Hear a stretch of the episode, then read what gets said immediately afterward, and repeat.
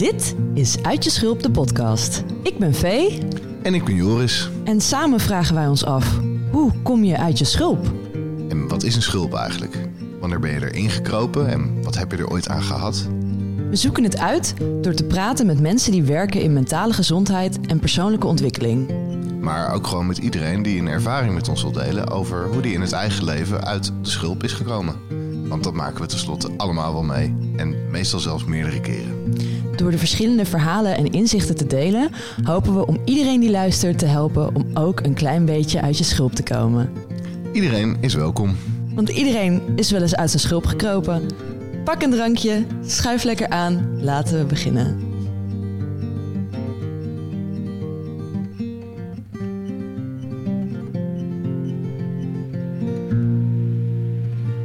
Welkom, lieve schulpdieren. En welkom, Suzanne Dikke. Uh, vandaag bij ons te gast. Uh, Suzanne heeft uh, zichzelf bij ons aangemeld. wat wij altijd heel gaaf en stoer vinden. Echt een teken van iemand die een stapje uit de schulp durft te maken. En um, Suzanne kun je vinden onder de naam Ceremonify ook, onder andere. we zullen daar ook naartoe linken in de notes. Dat komt ongetwijfeld ook nog ter sprake in dit, in dit gesprek. Verder ga ik mijn intro heel kort houden, want uh, ik, uh, ik ben vooral benieuwd uh, naar alles wat wij hier gaan bespreken. Welkom. Dankjewel. Dank ja. jullie wel. Ja. ja. En um, gewoon eens om het gesprek een klein beetje rustig te openen. Hoe ben je vanochtend bezig geweest met het idee van wat, wat ga ik hier doen vandaag? um, goeie vraag. Nou, ik was vooral heel druk met alles klaarmaken voor school voor mijn dochtertje van vier. Ja. Dus ik had nog niet heel veel ruimte om er echt op in te checken. Um, maar ja, dat is ook weer heel fijn, want dan kan je gewoon lekker in het moment zijn. En, en nu hier landen, de autorit was al heel uh, goed daarvoor. Um, om, ja, ik, ik wil het graag hebben over rouw. Mm -hmm. En wat dat voor mij was en is, um, hoe we daar als maatschappij mee omgaan, of eigenlijk niet mee omgaan. En um, ja, wat dat met een mens kan doen en doet. Mm -hmm. um, even heel bazaal, zeg maar. Ja. Ja. En hoe lang is rouw al een thema waar jij uh, actief mee bezig bent? Nou, actief uh, sinds het overlijden van mijn broer. Mm -hmm. uh, op 11 mei 2020 mm -hmm. is hij heel onverwachts om het leven gekomen. Tijdens een ongeluk op zee. Samen met nog vier andere jonge mannen. Um, ja, is het daar echt vreselijk misgegaan. Mm -hmm. En dat, ja, dat kwam heel onverwachts. Dus dat de, de rouw was in één klap. Uh, ja, ik moest daar wat mee. Maar wat wist ik ook niet. Mm. En als ik nu verder kijk naar mijn leven, zijn er natuurlijk al veel meer periodes van rouw geweest. Alleen rouw koppel ik altijd, heb ik altijd gekoppeld aan de dood of aan het verlies van een naaste. Terwijl rouw natuurlijk heel veel, heel breed is. Mm. Het is ook een verlies van een relatie of um, ik ben alleenstaande moeder. Uh, mijn partner destijds is weggegaan. Nou ja, die zwangerschap was ook uh, heel mooi, maar ook een periode waarin ik ook heb gerouwd. Mm.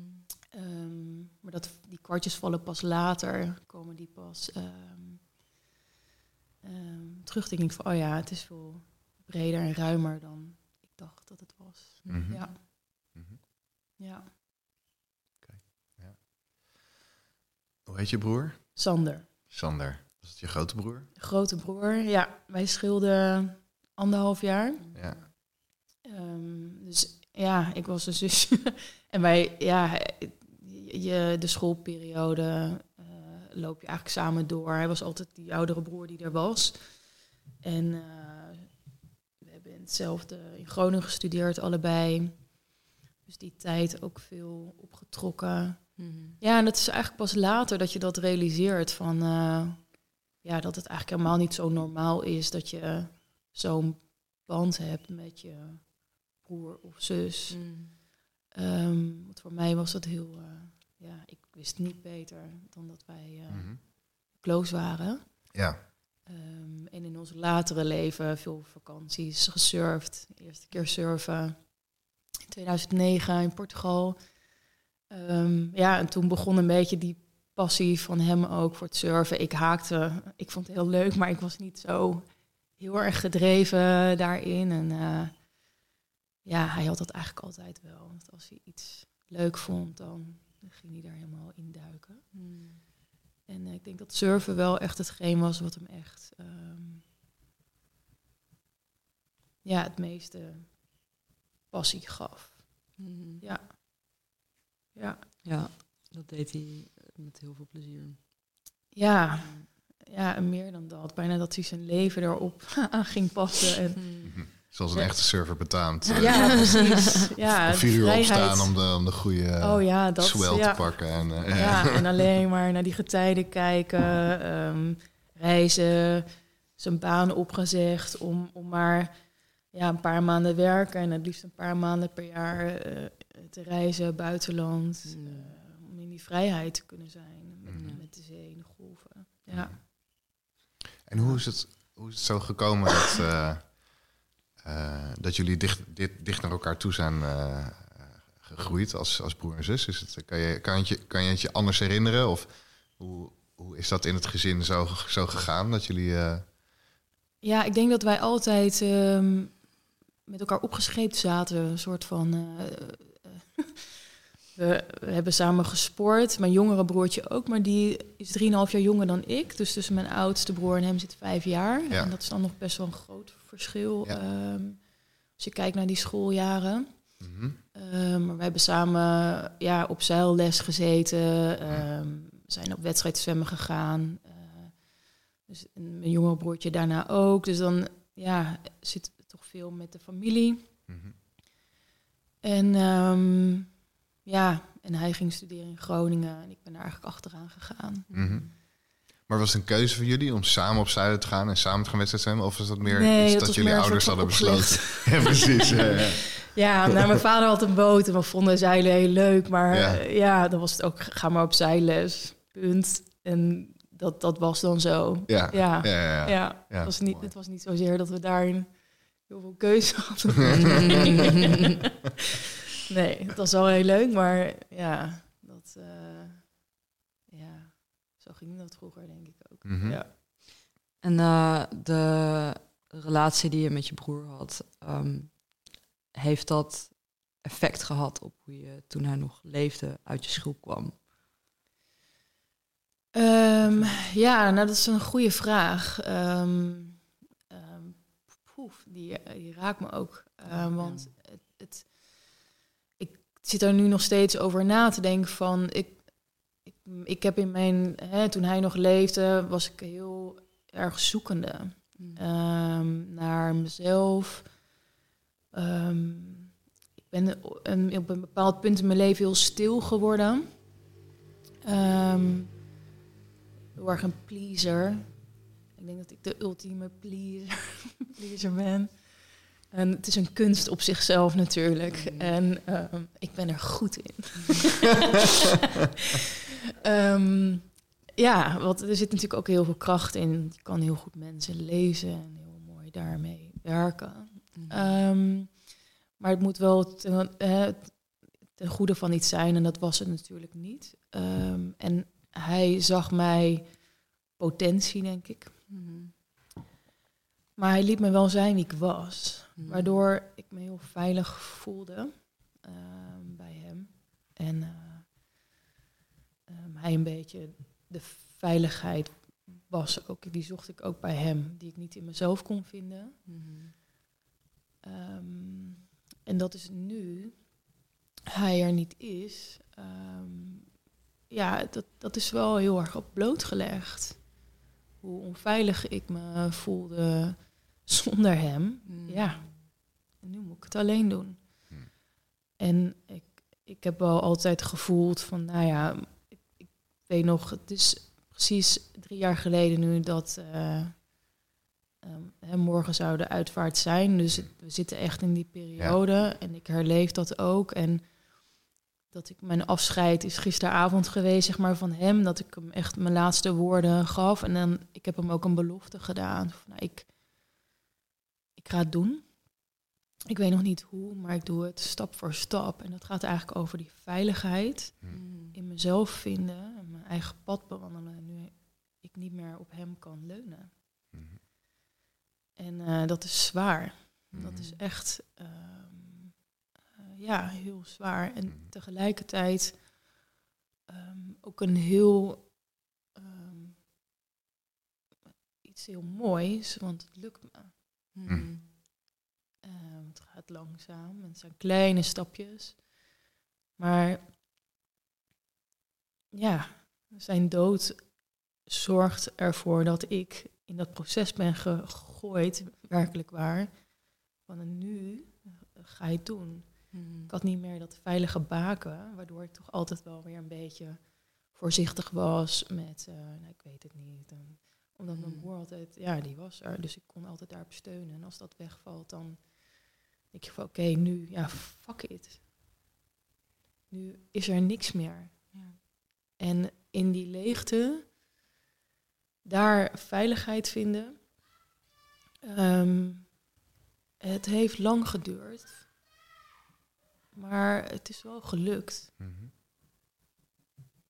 En eh, het blijft leeg. Dat is het ook. Het is een oneindige ruimte waar ik eh, me in bevind. Maar ja, ergens, je bent een soort van, ik was een soort van op zoek naar van. ehm ik ga de diepte in.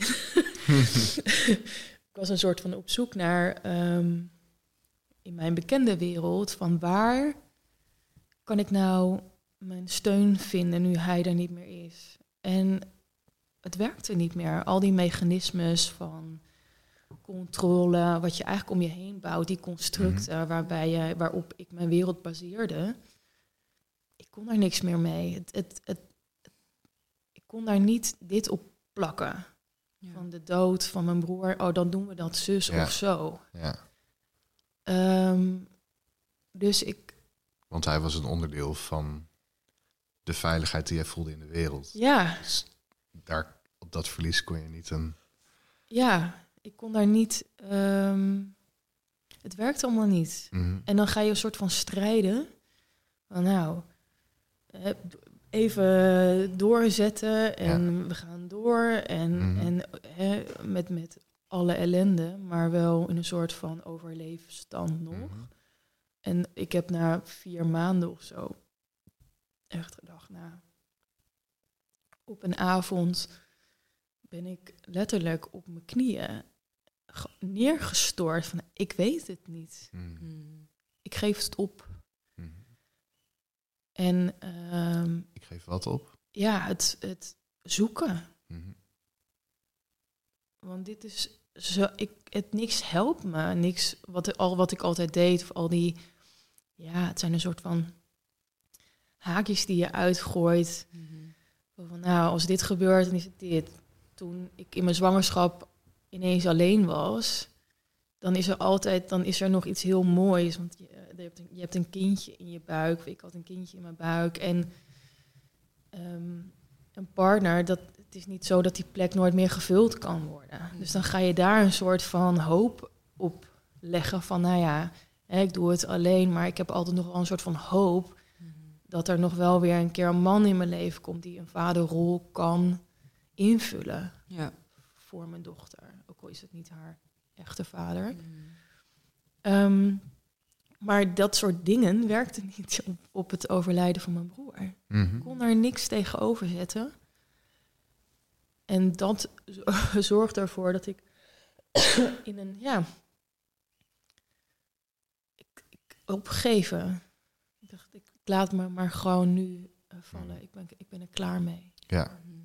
Ja, kon er niet een, een vorm van hoop tegenover zetten van eh, dit, dit gaat, hij gaat ooit vervangen worden uiteraard. dat kan nee, niet. Nee, dat kan niet. Ja, En dus dan de, de andere kant zou dan misschien klinken als iets als, ah, misschien ben ik hier ooit ook weer klaar mee en, en een rijker mens door geworden. Maar dat, dat Ja. kan je nog niet echt bedenken. Vond ik echt, Ja, kon ik helemaal niks mee. nee. En ik wou het ook niet horen, want daar gaat het niet. Want hij is dood. Ja. En, eh, en dat is ook nog steeds zo. Ja, dat is ook Ja. het ja, want het is wel zo dat ik zeker het leven veel dieper voel en ervaar. ehm, ik veel meer leef dan voordat hij overleden was. Mhm, Dus het heeft me veel gebracht. mhm. Ehm, maar ja, ik zou het liefst iets minder leven met hem erbij, zeg maar. Mhm, Maar dat gaat niet. En dan is er altijd de keuze. mhm.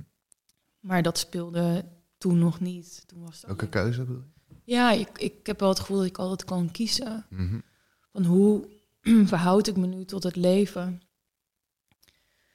Ehm, ik heb een foto van hem op mijn... eh, ik heb een meditatieplek thuis. En ik heb een foto van hem daar. En is, daaronder is een beeld met handen met goud erin.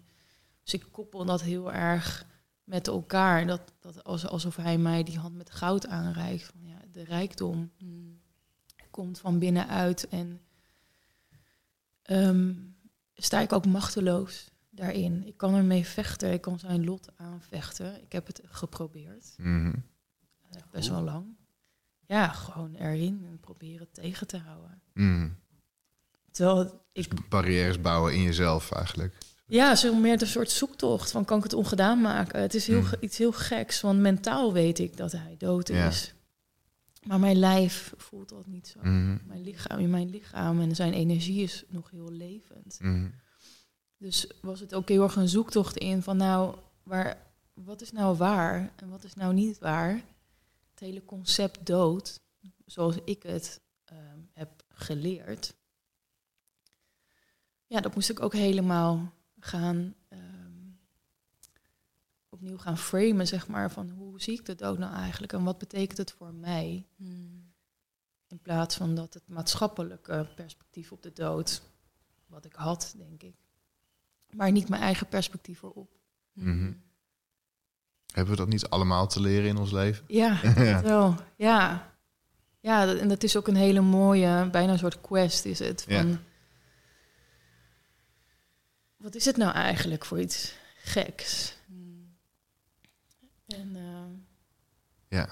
ja, Ja, want ik kan me ook, ook voorstellen dat het ehm, natuurlijk niet alleen maar de dood van ehm, een mens is, dus de dood van je broer, maar ook de dood van een relatie.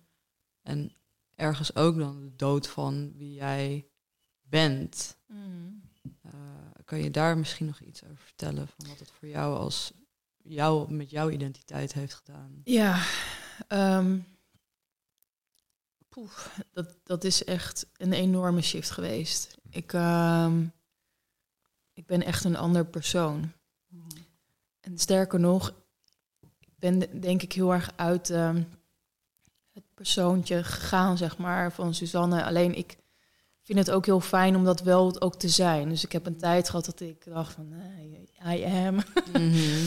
Ehm, heel erg in die verruiming. Maar het is nu ook heel fijn om weer in het aardse, in het lijf te zijn van wat ik belichaam, Suzanne. Ehm, maar, maar mijn oude Suzanne, wie ik was, die is, die is gestorven met mijn broer. En toch ben ik ook nog dezelfde ergens. Mhm. Ehm, maar ik, wat eigenlijk sterft is je leven hoe je dacht dat het was. Sterft met hetgeen wat er toen gebeurd was. Want ik, ik benaderde de wereld vanuit mijn perspectief. En dat, pers dat perspectief is echt 180 graden gedraaid. En ik zie nog steeds een beetje op zijn kop. Ik kan niet meer eh, anders kijken dan dat ik nu kijk. Ehm, het is een beetje alsof dat bewustzijn is nu nou eenmaal zo. Je kan dat bewustzijn niet onbewust maken. ja. Precies. Ehm, waardoor ik ja, dingen veel meer vanuit een afstand zie. Ehm, in de tijd dat het gebeurde was natuurlijk co- volop eh, corona en noem maar op. En ik kon daar, ik kon daar helemaal niet in of niet aan meedoen, omdat ik zo in die pijn en die rouw zat, dat ik veel meer een soort observerende, ja, oké, prima of zo, weet je. Ja. ja, Ja. omdat ik een soort van eh, aan de kant van de weg lag en eh, niet meer wist wie ik was. Ehm, ja, is, is, is de dood ook heel erg eh, in het persoonlijke stuk. En daar rouw ik, eh, heb ik ook om gerouwd en nog steeds. Ehm, is het na drie jaar, eh, ja, ga je door verschillende ja, bewegingen, wil ik het eigenlijk noemen. Waarin het eerst heel erg gaat over het verlies van Sander. Ehm, daarbij hoort ook nog het trauma van 11 mei. Ehm, wat er toen is gebeurd, want hij is natuurlijk niet als enige overleden. Mhm. Ehm, dus dat komt er ook bij. En dan is het mijn thuissituatie waarin ik eh, alleenstaande moeder ben, wat best al wel isolerend is op zichzelf. Mhm. Waarin mijn broer een steunpilaar was. En ik van, oh, oké. Ja, waarin ik, ik weet het gewoon even allemaal niet meer. Ja. En dan is het echt overleven. Ja. Ehm, en nu zit ik meer in een fase waarin ik heel veel behoefte heb aan verbinding weer. Mhm. Oh, fijn. Ik wil weer mensen zien en weer spreken. Maar wel, ik voel me wel nog naakt. Ja. Ehm, wat ontbreekt er dan voor jou, zeg maar, los van dus alleen maar, zeg maar, je voelt je naakt.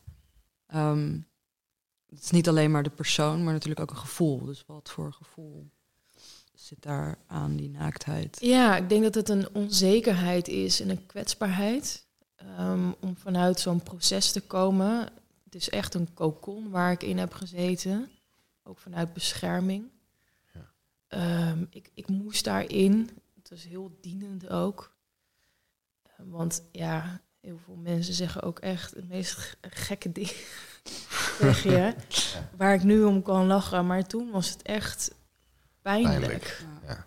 En waardoor je echt, ja, ik ging echt in mijn schulp. Stevig schulp. Ja, niemand kwam erin. Ja. Ehm nou, en dat, wat ook heel. En dat was nodig Het was om jezelf te nodig. beschermen. En het is ook Ja. dienend, denk Ja. ik, om, om in zo'n periode ook echt weer te voelen van ja, wat. Het donker is dienend. Ja. En ehm, ik weet wel dat de mensen om me heen, eh, onder mijn ouders, zich echt wel zorgen maakten om mij, omdat ik echt in het donker zat. En vorige week had ik nog één dag waarin ik echt weer terugging daarin. En eh, Omdat die datum er was. ja, Ja. en het was zo onverwacht dat ik eh, vorige week dinsdag was het, Ja. en z- waarin ik zo weer in dat donker zat en het beangstigende, de pijn, alsof het weer precies zo was als toen. En ik dacht alleen maar, oh jee, ik kan het niet nog, nog een keer, ik wil dit niet meer. Maar dat ik wel weet, is dat ik, hoe meer ik er mezelf ervan wegdruk, hoe groter het wordt of hoe pijnlijker. Dus ik, ik heb wel ja gezegd. Oké, dit is het vandaag. Ga er maar in. En zo waar, inderdaad, de dag later ging het weer wat beter. Maar het was een mooie herinnering aan hoe het maanden was. Mhm. En dat kan voor de omgeving heel beangstigend zijn, omdat ik, zag geen licht. En als je geen licht ziet, dag in, dag uit, ehm, dat, dat is heel beangstigend. Want je denkt van, moet ik de rest van mijn leven hiermee verder? Mhm. Mhm. En toch had ik altijd een soort van oervertrouwen ehm, dat ik daar moest zijn Mhm. in het donker. Dat, dat gevoel van naakt zijn, is dat, ehm, eh, is dat dat je eh, delen van jezelf aan het tentoonstellen bent die er eerder minder waren? Of is het ook überhaupt het opnieuw aangaan van de wereld nadat je een dikke schulp nodig hebt gehad? Of is het nog iets anders? Kan je er iets over zeggen? Ja, ik denk dat het komt dat de schulp inderdaad, nou, die mag af. Ja. En eh, die ligt soort van achter me. Maar ik wil hem vaak nog wel eh, bij me pakken. Zo, Ja. Kom nog maar even hier. Terwijl ik denk, nee, ik mag het nu echt gaan omarmen. En het gaat ook over begrenzen. Hm. Ehm, om nu van alles wat ik heb gevoeld en ervaren in die schulp, om het nu naar buiten te brengen. Hm. Omdat het nog heel naakt voelt. Omdat het nieuw voor mij is ook. Om me uit te spreken, me te begrenzen, maar ook mezelf te laten zien van wie ik in werkelijkheid ben. Mhm. In plaats van ehm, ja, wat meer de, ja, hoe zeg ik dat nou? De pleasende, Mhm. onzekere. eh, eh, Suzanne was ik ook een heel leuk mens. Ja. Ja, Mhm. zeker weten. maar ehm, eh, het kostte me ook veel energie. Ja. En, ehm, en dit is veel leuker en fijner om mezelf te laten zien voor wie ik werkelijk ben. En, en daarin ook de pijn en het verdriet eh, wat bij mij hoort.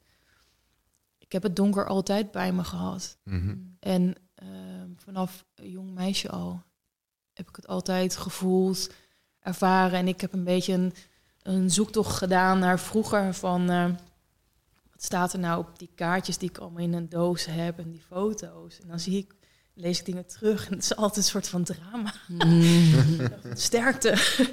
en eh, eh, lichtje in de duisternis. Ik denk van ja, maar ik heb het altijd veroordeeld. Ik denk dat ik altijd heel diep heb gevoeld. Ja. Waardoor je het donker ook voelt. Maar het werd afgewezen door buiten. En dus ik heb het ook in mezelf afgewezen. Terwijl ik nu denk van ja... Hé, maar dat donker, dat, dat is nu eenmaal onderdeel van mij. En ik denk dat we dat als mens allemaal in ons dragen Ja. Mhm. is het veel, eigenlijk het leven veel makkelijker en leuker geworden. Ik denk van ja, ik ga het niet meer verhullen of verbergen. Ja. Dan maar een beetje drama. Ja. I love it. En Ehm, in, in, in hoeverre is de Suzanne die je nu aan het worden bent, eh, heeft dat te maken met de potentie die jouw broer in jou zag? ja. ehm, ik denk dat hij ehm, altijd heeft gezien hoe klein ik me maakte naar anderen. En eh, een soort van de veilige weg koos, wat voor mij veilig was. Ehm, dat hij nu ziet van ja, vertrouw maar op jezelf. Spelen. Ehm, maar jezelf niet meer weggeven. Mhm. En dat heeft hij altijd gezien en ik, ik durfde het nooit. Mhm. Nee. En heeft zijn blik, leeft zijn blik en zijn stem in jou om, om jou hierin te sterken? Ja, zeker. Hij, eh, ja, ik, en het is interessant, want ik maak ook iets van hem.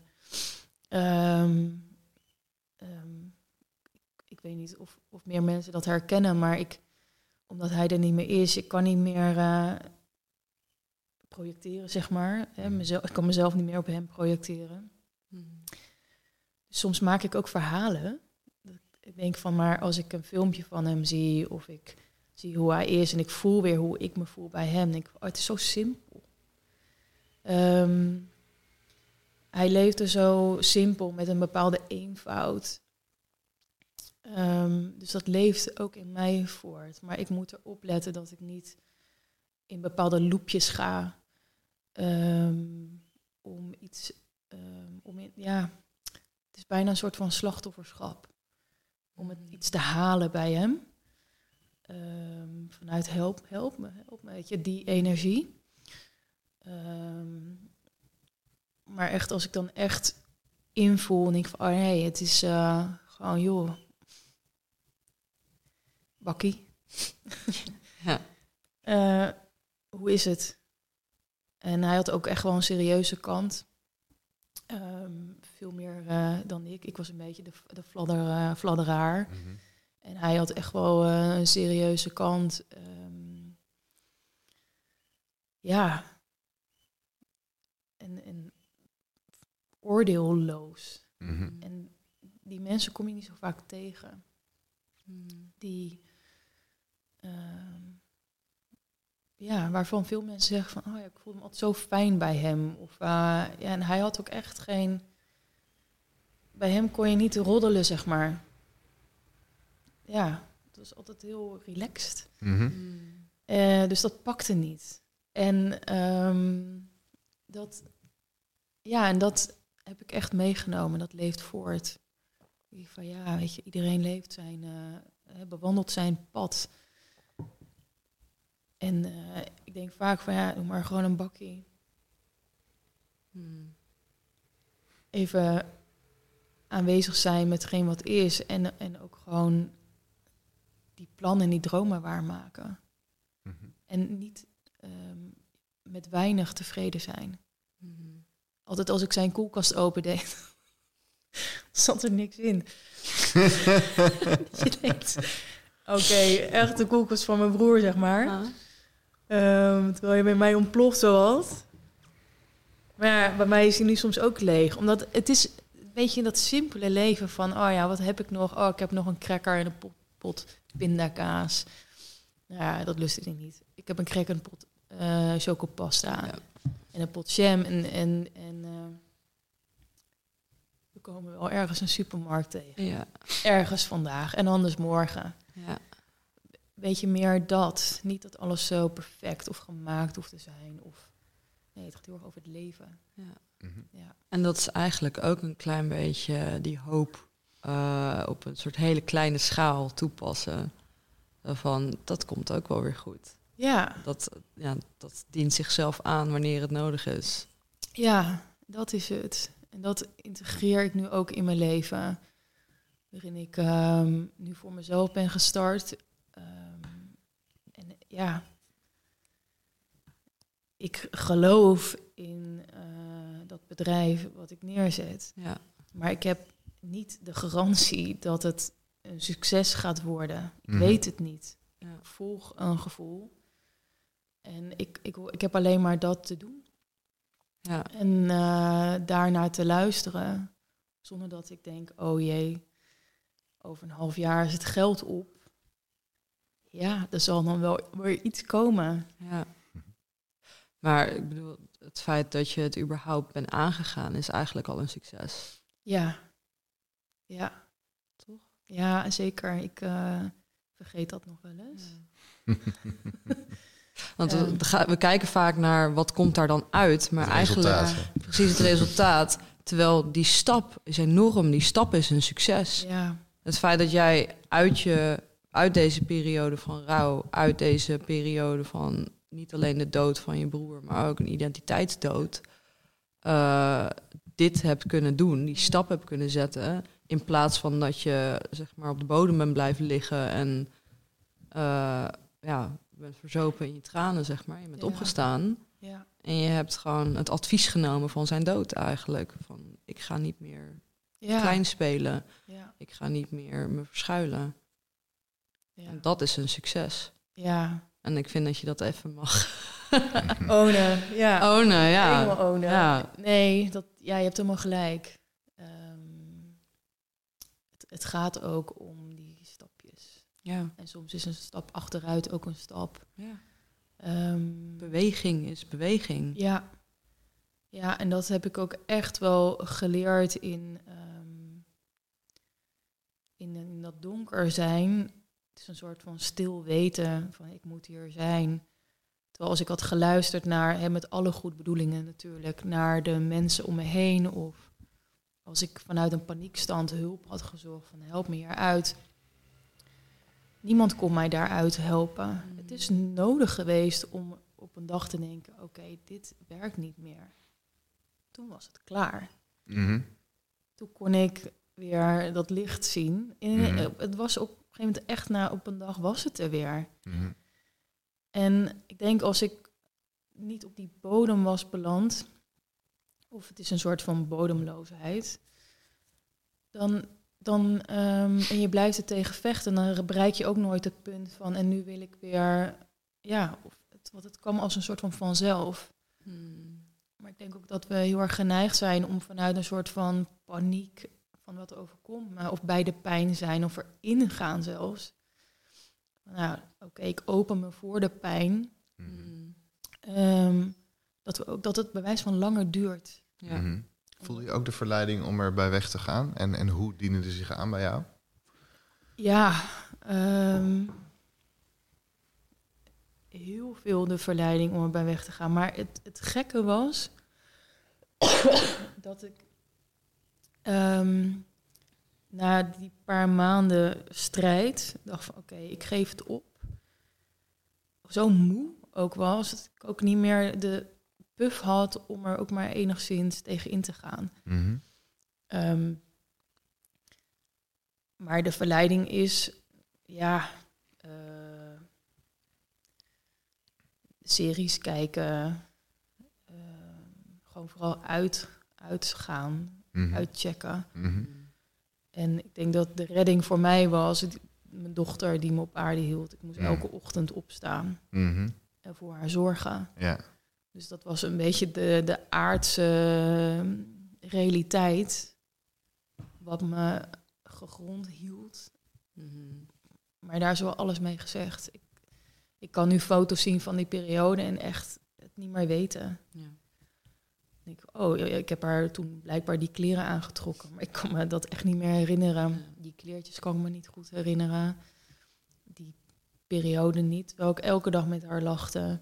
Mm. En, eh, maar niet vanuit eh, de aarde. Ik was vooral boven. Mhm. Ehm, ook omdat het lijf zo'n zeer doet. Mhm. Heeft dat tijd nodig om eh, die lichamelijke pijn ruimte te geven. Mhm. Dus echt overleving. Je lichaam redt eigenlijk jezelf vanuit die shock. Ga je uit je lijf en dat heeft ook een functie. Ja. Anders, ik denk echt dat je anders doodgaat. Van de pijn. Dus het- dat overlevingsmechanisme heeft echt een heel dienende functie. Mhm. Ja. Alleen, ja, ik vind we leven in een maatschappij waarin er weinig ruimte is voor de ruimte te geven eraan en de rust te geven, waardoor het eigenlijk allemaal maar verlengd wordt en langer duurt en mensen veel meer in strijd zijn met zichzelf. Mm. Terwijl je, als het mag, en, en je krijgt de ruimte, er misschien wel veel soepeler doorheen gaat. Het doet niet minder pijn. Mhm. Maar als je toestemming krijgt van je omgeving om te zeggen, nou weet je, ik vertrouw jou, Mhm. ga er maar in. Eh, het mag, Mhm. ik ben er. En voor jou heeft de dood een betekenis gekregen waarin ik dingen hoor als eh, persoonlijke transformatie, eh, jezelf hervinden, eh, eigenlijk de- ook de moed vinden om dingen, om, om met dingen te breken in jezelf, waar je al lang mee worstelde en, en dingen te gaan doen waar je al misschien al wel lang over droomde. Ehm, maar wat, hoe zie jij dat in bredere zin? Dus hoe zie jij, wat zie jij? Ik weet niet of je daar ook een visie op hebt. Of wat betekent de dood? Of wat zou de dood kunnen betekenen als je er dus zo de tijd voor neemt, als je er stil bij staat, als je er eh, eh, ja, de lessen uit probeert te halen die, eh, die, die het in zich draagt? Ja. ja, ik zie de dood als iets wat, ja, het is eigenlijk iets heel moois. Het is evenredig aan leven. En de dood maakt ons leven waardevol. mhm, Alleen, eh, we hebben het niet geleerd om het zo te benaderen, maar ik, ik zie de dood als iets. Het, het is een transformatie. Ehm, symbolische aard, het fysieke aspect daarvan. De dood brengt zoveel en er zit zoveel wijsheid in. Ehm, dat als we daarmee opgroeien, denk ik ook veel ruimer kunnen leven. Veel meer leven vanuit een, een bredere blik. mhm, Ehm, de dood zit in ons allemaal. Alleen, ja, we denken toch dat we een soort van oneindige eh, leven hebben Mhm. vanuit het lichaam dan. Ehm, dus dat maakt dat het ehm, ehm, dat we een beetje verdoofd leven. En als je de dood echt kan integreren in je leven, dan is elk moment ehm, bijzonder. mhm. En, en ook een, eh, ja, een soort zegen. Mhm. En wat betekent dat, het dood integrerend leven? Hoe, hoe kan dat eruit zien? Dat... Nou ja, het is een beetje. eh, dat, dat, ik ben daar veel mee bezig, eh, dagelijks. Ehm, ook wel doordat ik angsten heb gekregen die ik eerder niet had. Eh, ik denk doordat ik mijn, mijn dochtertje heb ge- gekregen, krijg je al meerdere angsten Ja, er gratis bij. Ja, Ja, het is een soort verlenging. of being a parent. Ja, dat is echt. Ja, dan denk ik van, oh shit. ehm, dat, dat die, die stukken loslaten en, en eh, dat zij eh, in een bus zit, bijvoorbeeld vanochtend op weg naar een museum, vind ik al. Dat ik denk, ja, oh jee, ik, dat, ik ben hier, ik heb daar helemaal geen zicht op. Of dat ze met mijn ouders in de auto zit als ze gaat logeren, vind ik ook spannend. ja, Mhm. Maar ja, je kan daar gewoon simpelweg niet aan vasthouden. Dat arme kind heeft anders geen leven meer. Zo'n Ja. hysterische moeder. inpakken in dekbedden en eh deur op slot. Ja. Ja, precies. Zo'n angstige... Dus ja, daar moet ik wat mee. Ehm, maar ik ben ook bezig met ehm, de dood bijvoorbeeld van mijn ouders. Omdat, ja, voor mij is het heel normaal dat ze er zijn. Maar sinds dat mijn broer is overleden, denk ik ook wel eens van... ja, al die dingetjes die je kan hebben eh, onderling in een familie. Als ik me inbeeld van ja, ik sta straks ook eh, naast hun hè, overleden lichaam. Ja. Wat doet dat met me? Heb ik dan iets niet gezegd? Ja. Waar zou ik spijt van hebben? Ehm, en dat maakt echt dat ik het anders beleef in het hier en nu. Maar het zijn geen fijne gedachten om in te gaan. Hmm. En ik kan er ook wel hebben als mijn moeder me 's ochtends om negen uur belt, wat vorige week het geval was, zondag om negen uur. Ik dacht, oh jee, mijn vader is dood. Ik, Mm. dat, dan ga ik me ineens heel erg zorgen maken, terwijl ja. Dat helemaal niet zo is. Maar dan ga je toch even, ik ga er dan wel even in. Ik nou oké, als het zo is, hoe, eh, hoe, hoe zit ik er dan bij? Mhm, Is het dan goed? mhm. Of moet er nog iets Moet er nog iets gebeuren? gebeuren? Ja, Ehm, ja, en dat, dat brengt ook alweer heel veel mooie dingen met zich Ja. mee. ja. Wat ben je aangegaan met je ouders in de afgelopen jaren? Door dit nieuwe bewustzijn? Ehm, nou, het vooral ieder zijn eigen proces gunnen. Mhm. Hmm. En eh, de rouw in onze familie is, eh, ja, dat was echt pittig Mhm. en complex. Omdat we het allemaal op een een hele andere manier doen. En ehm, ja, dat maakt ook dat je uit elkaar groeit. Ehm, moeilijk vindt om samen te zijn. Moeilijk vindt om te verbinden. eh, om te bespreken over Sander. Het lukt eigenlijk nog steeds niet. Als we met z'n eh, bij elkaar zijn. Mhm. Ehm, ja. Want iedereen doet het op zijn manier, maar het wordt ook een beetje gevoelig. Denkt van, oh, hoe doen we dit nou? Eh, je wil dat ongemak vermijden. Maar ja, het is sowieso ongemakkelijk, hoe je het ook went of keert. Ja. Eh, maar daarin ehm, heb ik te leren om eh, een stap achteruit te zetten. Ja. Ja. Dus niet te verwachten dat je ouders eh, begrijpen hoe jij het doet. Snap ik dat dan goed? Of, of Ja, of mijn van hun te, hen te broertje. claimen dat, ze, dat zij het op jouw Ja. manier doen? Of, ja. Precies. En, Ja. en, en eigen manier mag hebben. Ja, en ook aangeven wat heb ik nodig. Dus dat ik wel in verbinding blijf en niet Ja. in een soort van verharding treed. Want dat heb ik ook wel gedaan, dat je een soort van bozig wordt. Ehm, niet gezien, niet begrepen. Maar ja, ik zag de ander ook niet Hmm. Mhm. vanuit dat Ja. stuk. Ja. Dus wel in verbinding blijven met van, oh ja, en dit heb ik nodig. En je mag nee zeggen. Ja. ja. En dat is oké. Mhm. Nee is het magische woord. Ik hou ervan, nee. Ja. Nee. Nee, andere Nee. keer. Nee, liever niet. Ja, maar veel mensen nemen het dan toch ook persoonlijk. En dan, dan ga je weer dat, ja, ik noem het dan meer het oude. En dan ga je weer heel erg hard werken om maar een beetje die verbinding te zoeken. Terwijl je eigenlijk, terwijl je iets geeft vanuit dat niet authentieke, je uit verbinding gaat. Ja.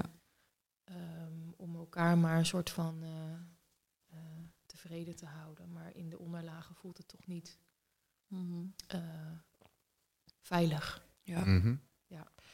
En als je nou, want ik heb je al een paar dingen horen noemen, maar om even een soort van eh, concreet te kijken naar wat zijn nou de dingen waarvan je denkt, dit heeft mij in mijn in deze periode eh, van punt A naar punt B heel erg goed geholpen.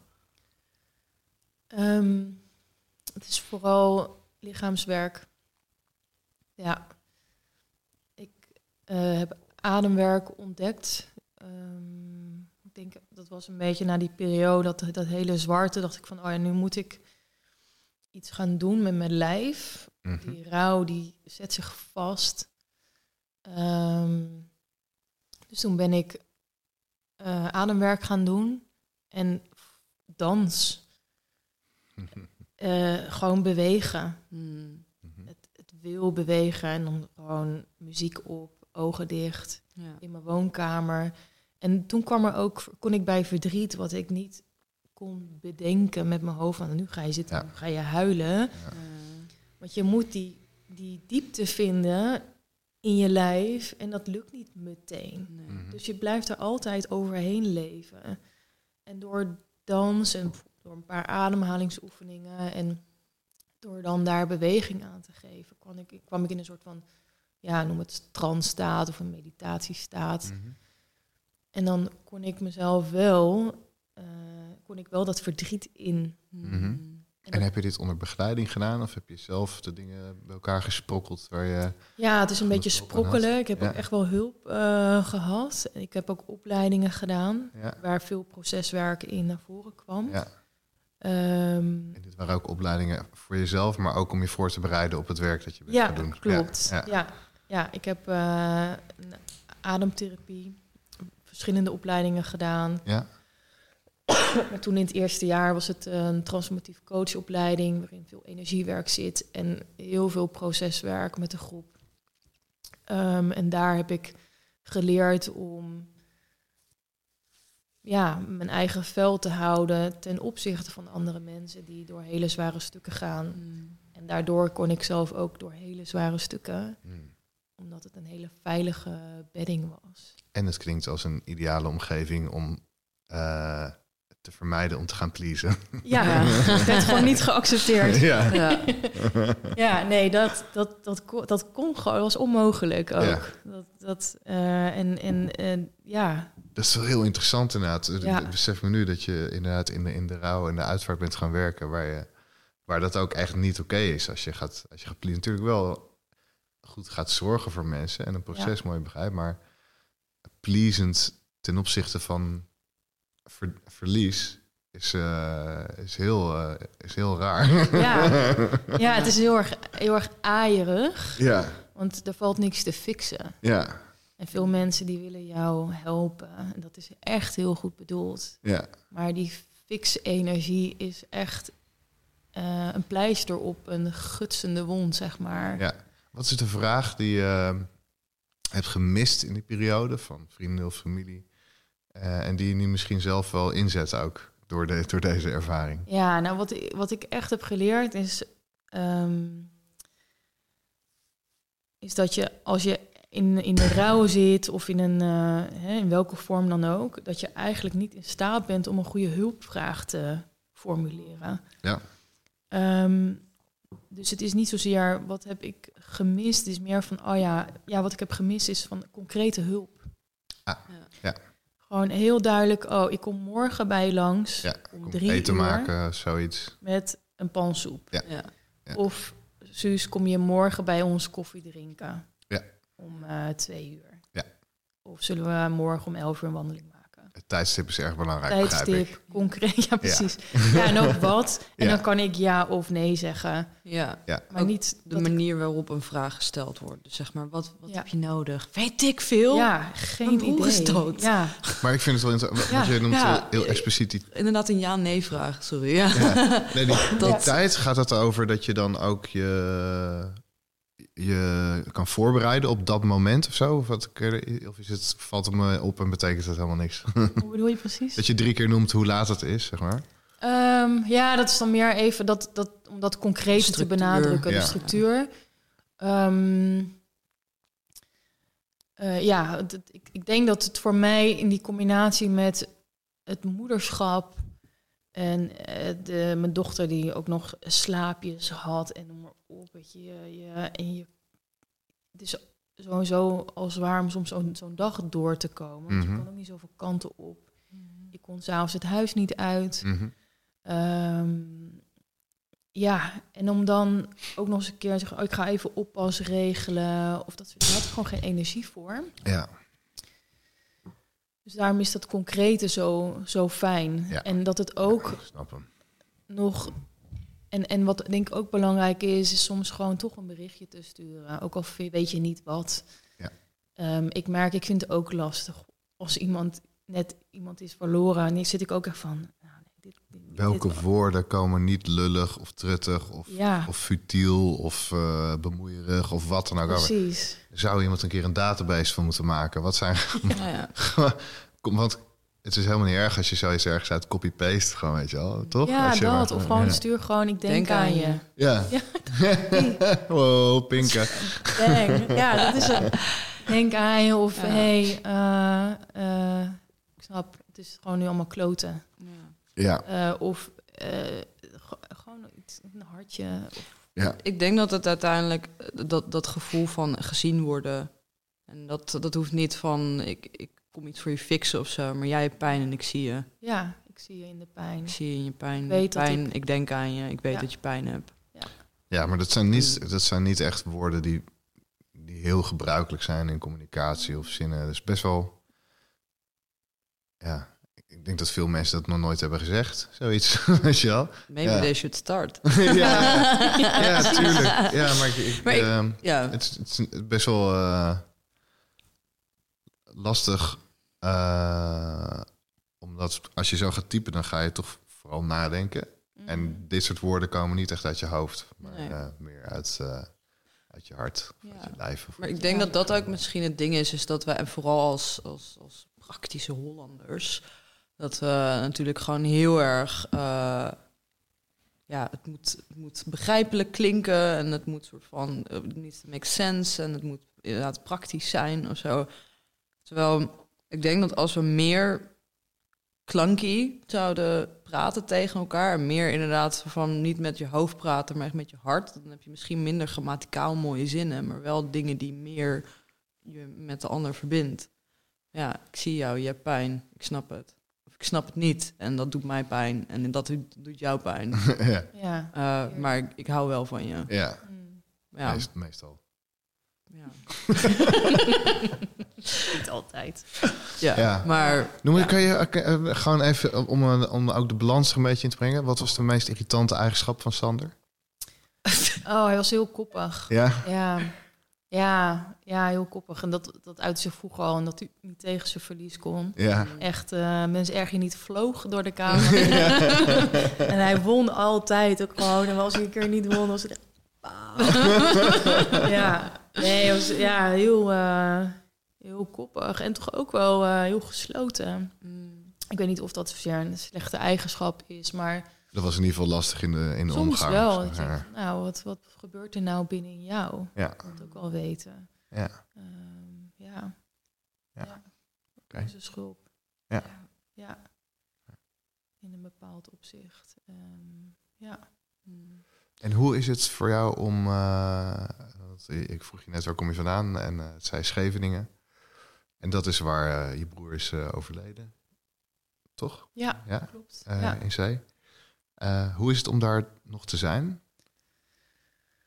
Ehm, nou, op zich eh, goed. Ja, Ehm, ehm, het verandert wel. Eh, Scheveningen verandert. dat, dat zie je dan ook van, oh ja, de tijd verstrijkt en dingen zijn niet meer zoals het was. En dat blijft natuurlijk doorgaan. Er wordt er veel gebouwd. Ik denk van, ja, dit plekje en het, de, de magische, ja, hoe ik dat toen ervaarde. Ja, dit, dat wordt, ik krijg daar in die zin soms een mindere binding mee omdat je, ja, zeker in de zomer als het strand vol is, dan, dan ben ik er niet. Mm. Ehm, zoek ik meer de rustige stranden op. Maar toch is het ook de plek waar, waar we altijd eh, op strand afspraken, ehm, waar ik hem nog rond zie lopen. Ehm, eh, en eh, ja, is het toch ook een hele fijne plek. Ik heb nooit de zee eh, iets kwalijk genomen of zo. Of dat ik boos was. Of ik kon altijd ook nog de zee goed in. Ehm, daarin zwemmen, erbij zijn, ook op de plek waar het is gebeurd. Ja. Omdat ik ook een grote liefde heb voor de zee. Mhm. Ehm, met hem veel in zee heb gelegen. Mhm. Dus als ik eh, surf, ik surf niet meer echt op Scheveningen, Mhm. omdat het er druk is en ik vind dat niet fijn. Ik heb een beetje ruimte nodig. Ja. Maar als ik surf, eh, zie ik mijn broer altijd. eh, hij was altijd wat verder naar buiten eh, om te wachten op die grote. Met zijn geduld. Mm. En dat lukt ook altijd. En dan kwam die enorme set en dan eh, zie ik hem nog zo gaan. Ik denk van, oh ja, het geduld is beloond. Mm. Ja. Ehm, ja. En dus daarin eh, vind ik echt ook mijn... ehm, eh, eh, ja, het is heel heilzaam, zeg maar, om, om in zee te zijn en om Mhm. te surfen. En Scheveningen, nou, misschien komt het nog wel dat ik Ja. weer wat vaker daar Ja. duikjes ga nemen. Ja. Ehm, er schoot net nog een vraag door mijn hoofd, maar ik ben hem even, ik ben hem even kwijt volgens mij. Ja, Ja. Ik heb ook nog wel een vraag. Ja, ga je gang. Want dat is ook een paar keer langsgekomen. Is over, ehm, eh, dus over wie je, wie je dus nu bent, zeg maar, zonder hem. En dus ook het ding wat je wil. Eh, en je hebt het laten vallen, maar je hebt nog niet concreet gezegd wat het is dat je wil. En wie je bent. Bedoel je wat ik voor het werk wat ik ga doen? Of, eh nou ja, dat, wat ding waar je, zeg maar, ik, ik ga nu, ik kan me nu niet meer verbergen, ik kan nu niet meer, zeg maar, dat... Ja, die- oh ja, ja. Maar er wordt, er is naar gehint, maar Ja. nog niet een soort van ge- Ja, expliciet wat gezegd wat het is. Dus dan ben ik heel benieuwd Mhm. of je dat wil delen. Ja. Hoeft niet hoor, dat hoeft niet, maar Nee. ik ben gewoon nieuwsgierig. Nou, ik ben zelf ook wel nieuwsgierig. Want het is, hè, je voelt je in een soort van naak, maar ik moet dat zelf ook nog ontdekken. Van wat is dan, hoe, hoe, hoe zie ik er dan uit? Of wat gebeurt er dan? Ja, Ehm, is het vooral ehm, eigenlijk continu inchecken in mijn lijf van, oh ja, hoe voel ik me? Voel ik me veilig om mezelf te laten zien en wat dat dan is? Ehm, is altijd een verrassing, maar. maar naar buiten brengen. Want ik denk dat ik het vooral nu ook voel in het uit mijn schulp zijn en uit dat rouwproces komen, waarin ik veel oordelen heb gevoeld vanuit eh, de maatschappij. Ik heb er heel observerend in gestaan. Ehm, maar omdat ik zo, nou ja, dat, dat diepe voelen, ik van, nou ja, ik, kan, ik gebruik dat voor me. En wat heb ik dan gevoeld? En wat klopt er dan niet voor mijn gevoel? Ehm, in de buitenwereld. En dat naar buiten brengen van hoe ik het zie. En dat ik dingen anders zie. Eh, dat dingen mogen veranderen wat mij betreft. Eh, als het aankomt op rouw. En hoe we daar als maatschappij mee omgaan. Ja, dat vind ik spannend. Mhm. Want het is wel je kop boven het maaiveld uitsteken. Ehm, en dat ik ook denk van ja, maar ik kom er zelf ook nog maar net, eh, net kijken. En ik, ik heb de antwoorden ook niet allemaal klaar. Maar ik heb wel een gevoel van hé, hey, ehm, we zitten ernaast. Hmm. En hoe, ehm, hoe, lever je daar, hoe lever je daar nu een bijdrage aan met jouw bedrijf Ceremonify? Ehm, dat ik vooral mensen die rouwen Mhm. ehm, wil bekrachtigen. Mhm.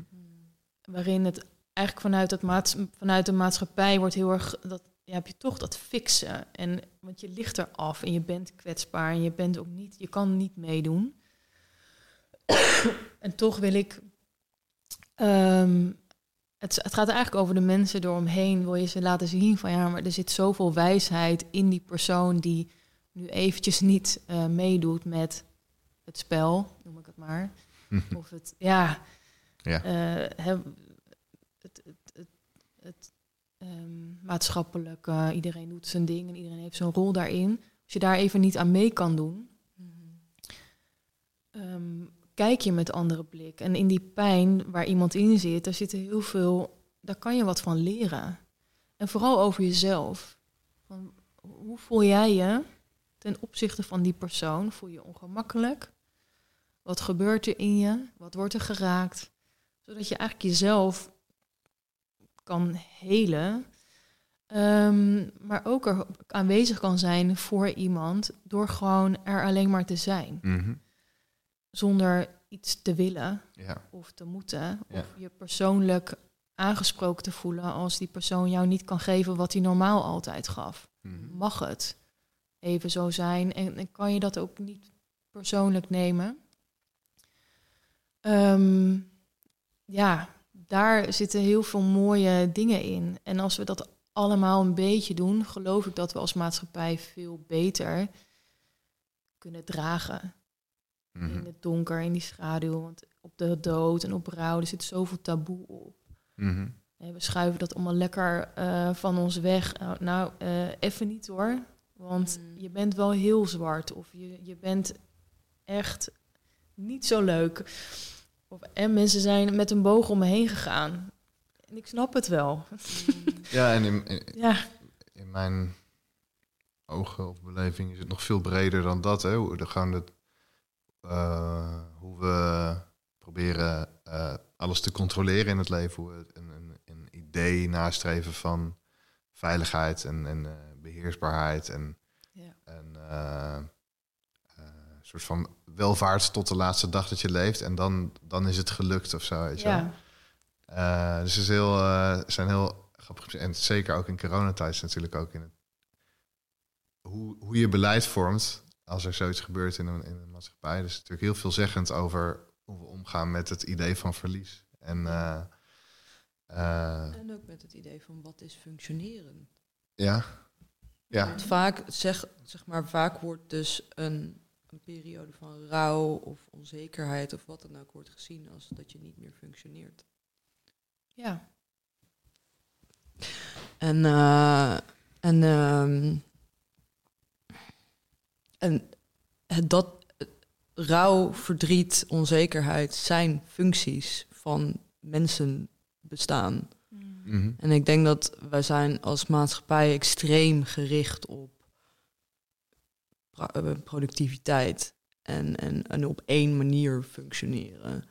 Dus zeg maar weer de, de eenheidsworst van, van het moet op één manier moet het eruit zien, menselijk bestaan. Je moet inderdaad tot dood eh, productief zijn geweest. En productief is dat je altijd hebt geweten wat, er, wat je moest doen. En altijd eh één rechte lijn vooruit bent gegaan. Of weet ik veel.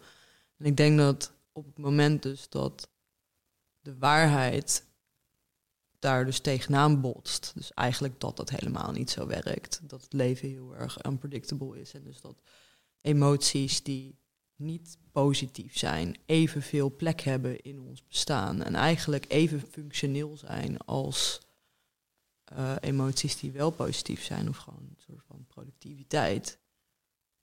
Ehm, ja, dat, dat, dat is heel eh, moeilijk voor, voor sommige mensen om te, om te accepteren, ook omdat het ons niet wordt aangeleerd. Het wordt ons niet aangeleerd dat er waarde zit in rouw. Het wordt ons niet aangeleerd dat dat er mag zijn. Mhm. En ik denk dat eh, ja, dat is heel confronterend. En we, zijn, we voelen ons heel ongemakkelijk bij dit soort emoties. Omdat het wordt aangeleerd van dat is niet productief, dat is niet functioneel. Althans, dat is mijn. Nee, ik ben het helemaal met je eens. En, eh, dat, dat zie ik ook. En dat, dat zie ik zelfs in eh, het, het hele land van de rouw met alle therapeuten en coaches. Het is toch vaak ook gericht op sneller en efficiënter En eruit. rouwen en eruit. Terwijl ik denk van ja, ga er nou maar in. Want daar, daar, daar zit het Ja. in. Maar het, zo wordt het aan werkgevers ook verkocht. Zeg maar. Je moet iemand goed helpen. En hoe mooi het ook is dat er steeds meer ehm, verteld wordt over rouw en, en eh, begrip komt. Maar er zit toch altijd een agenda achter. Ja, helpen is altijd eruit halen. Ja, terwijl ik denk van ja, weet je, als je die agenda weghaalt, maar dat, dat, dat kan niet. Want dan moet je iemand helemaal loslaten. Maar dat kan niet. Ehm, want eh, werkgevers voelen zich ook verantwoordelijk. Je hebt bedrijfsartsen. Zo'n heel systeem zit daar omheen. Dus het is, dat is ook wel complex. Mhm. Ik heb de antwoorden daar ook niet op. Maar die agenda, die energie daarvan, zeg maar, die zorgt er eigenlijk voor dat iemand de hele tijd eigenlijk wordt tegengegaan om erin te gaan. Omdat ze zeggen, nou over zes weken moet je weer eventjes eh, op eh, de koffie komen. Ik, ik heb dat ook ervaren met mijn bedrijfsarts. Ja, dat kostte zoveel energie om elke keer weer te verantwoorden van waar ik was, was. En na een jaar moet je toch echt wel, Ja. ja, dan moet er iets gebeuren. Terwijl ik daar nog niet, eh, wel- ik dacht van nee, ik wil dat zelf regelen. Ehm, ik snap dat ik weer iets moet. Dat begrijp ik heel goed. Maar niet op de manier waarvan jullie denken wat goed voor me is. Maar dat was nog hard knokken. Mhm. En gelukkig was het voor mij heel duidelijk. Maar het is zo onnodig allemaal. En ja, wat jij zegt. ehm, het, het is ons niet geleerd. En het, dat ongemak. Het, het zorgt er eigenlijk voor dat het langer duurt. Ja. Ja. Ja. Ja, en ook als je, het, is, het is zo onnodig allemaal. Ik denk ook aan, eh, aan alle ondernemers met wie ik werk van, eh, in, het, in het MKB. En die zullen echt eh zich kapot schrikken als iemand na een overlijden eh, een jaar eruit moet. Ja, Eh, en dat is ook, ik weet ik zeker voor heel veel ondernemers, die, die krijgen een grote, grote financiële probleem als, Ja. als, dat, als dat een normaal wordt, zeg maar, tussen aanhalingstekens. Dus het, dus er is best wel veel werk te doen om. eigenlijk moet er echt iets heel groots veranderen om, ja. om hier dusdanig ruimte voor te creëren. En dat, dat kan je van eh, de staat verwachten, van de maatschappij, van de ondernemer. Maar, en er zit ook denk ik een deel van, eh, van die vraag bij, eh, bij jezelf. Bij hoe, in hoeverre creëer ik eh, ook financieel ruimte in mijn leven... om als er iets gebeurt wat eigenlijk heel belangrijk is... en hoort bij het leven, Ja. om daar echt ruimte aan te geven. ja, absoluut. Leef ja. ik eigenlijk altijd op mijn max of zo, weet je wel? Heb ik nog wat over? En ja. eh, en ik denk, ja, ik, ik denk dat er weinig mensen zijn die zich, die zich het kunnen veroorloven om gewoon even te zeggen, nou, ik ga, ik ga er een jaar de tijd voor nemen. ja. Als er een, eh, ook als een solide werkgever dat niet kan financieren. Ik denk ook dat het ligt aan. ehm, hè, ik weet zeker dat heel veel mensen ook heel veel eh, hun werk zien als een hele fijne afleiding van het proces. En Ja. om toch betrokken te blijven bij je collega's. Ja, Kijk, en ik, eh, ik, ik zat daar niet meer op mijn plek. En eh, daar was, had ik al heel vaak over gehad met mijn broer ook. Hij zegt van nou, Ja. Suus, je, kan, hè, je kan zoveel meer dingen dan dat. En ik was nooit, in die zin echt die vervulling kon ik niet echt vinden. Waardoor door zoiets, dacht van oh ja, nu is het voor mij eh, de tijd om eh, het, het roer om te gooien. Mhm. Ehm, maar ik denk als je ja, werken waar jij je prettig voelt, ja. dan kan het juist ook heel fijn zijn om Mhm. niet de hele dag. eh, dan is het weer dienend. Dus het is ja natuurlijk precies. heel Nee, dat, kan, dat kan ik me persoonlijk heel goed voorstellen. Dat ik het heel erg zou eh, verweven met elkaar. Hè? Dus Ja. dat, eh, mijn werk gaat erg goed samen met wat, dan, wat er dan ook gebeurt in het leven. Omdat Ja, omdat het me misschien in een andere staat brengt, maar vanuit die staat eh, ben ik weer met iets anders in contact en kan ik ook vanuit, vanuit dat vaatje putten of zo. ja, ja, je kan nog iets geven. Ik denk dat dat ook Ja. belangrijk is. Dat je niet alleen maar... Je hebt nog iets... Relevantie, zeg maar zo. Ja, ja, ja, Ja. ja. Ja, maar dat is dus ook dat, dat multi, multifacet eh, van, van, van eh, dat, dat verschillende staten van zijn ruimte krijgen in bepaalde omgevingen. Want dat is het ook een beetje. Ja. Maar Ja. jij hebt natuurlijk er een bepaalde ruimte binnen in jouw werk, Ja. waardoor die ruimte er is, waardoor die verschillende staten van zijn daar plek mogen hebben. En ehm, Ja, en, en, die, en, en ook... ehm, kan het ook managen, want ik ben mijn eigen baas. Dus ik kan ook ja, kiezen welke klussen ik dan bijvoorbeeld meer of minder ga doen. ja. En eh, ik kan me wel voorstellen dat als, ik, als mijn broer eh, komt overlijden, dat ik dan bijvoorbeeld even een tijd niet met teams ga werken. Ja. Omdat dat hele dagen zijn en soms dagen achter elkaar. en dan heb ik alweer, ja, dan voel ik niet zoveel flexibiliteit om eh, even een halve dag te zeggen, nou, ik ga even in het bos wandelen of zo, weet je wel. Precies. Dat is er dan gewoon niet. Eh, dus in die zin is het voor mij heel erg vormbaar en kneepbaar. En zal ik het dan vooral ook financieel moeten gaan doorrekenen. Weet je wel? Ja, Ja. Wat, wat kan er ook gewoon? Ja, Dus in die zin is het ook altijd een, ja, een realiteitsding of zo. Van ja, wat is er, wat is er mogelijk? ja, wat kan. Ja. Ja, Ja. dat kan. En eh, ja, ik vind, dat, ik vind het ook wel een heel interessant stuk. Hè? Want het is inderdaad ook het, het, het praktische gedeelte van hoe, hoe geven we meer? Ja. Hoe geven Ja. we meer ruimte aan, eh, aan rouw? En eh, ehm, ja, Ja. ja, inderdaad, hoe kan je eh, ook als iemand die niet, weet je, iemand als een werkgever bijvoorbeeld, hoe kan je meer ruimte creëren voor de mensen die voor jou werken om eh, toch ook hun ongemak eh, te mogen beleven? ja. Ja, en ook iedereen is daarin weer anders. Dus je zal ook, eh, je zal ook moeten checken van hey, waar, wie ben jij? En toch in een bedrijf heb je ook eh, in zekere zin een soort uniform beleid nodig. Want anders is het niet eerlijk, weet je wel. Dus Ja, het is, het is, best wel een puzzel. ja het is, het is, het is, dat is het. Het is ingewikkeld. Ja. Ik denk dat mensen, ja, eh, als ze zich, als ze Ah. niet, eh, hè, zo, als je niet, als je gewoon er mag zijn met alles erop en eraan, maar dat, het, het is ook lastig, want ik heb ook altijd dat harnas aangetrokken, Ja. en dat masker opgedaan. ik, ik, misschien ben ik er wel benieuwd naar van hoe, hoe jij. eh, hoe jij dit doet met de mensen met wie je werkt. Want die zullen allemaal tegen die puzzel aanlopen.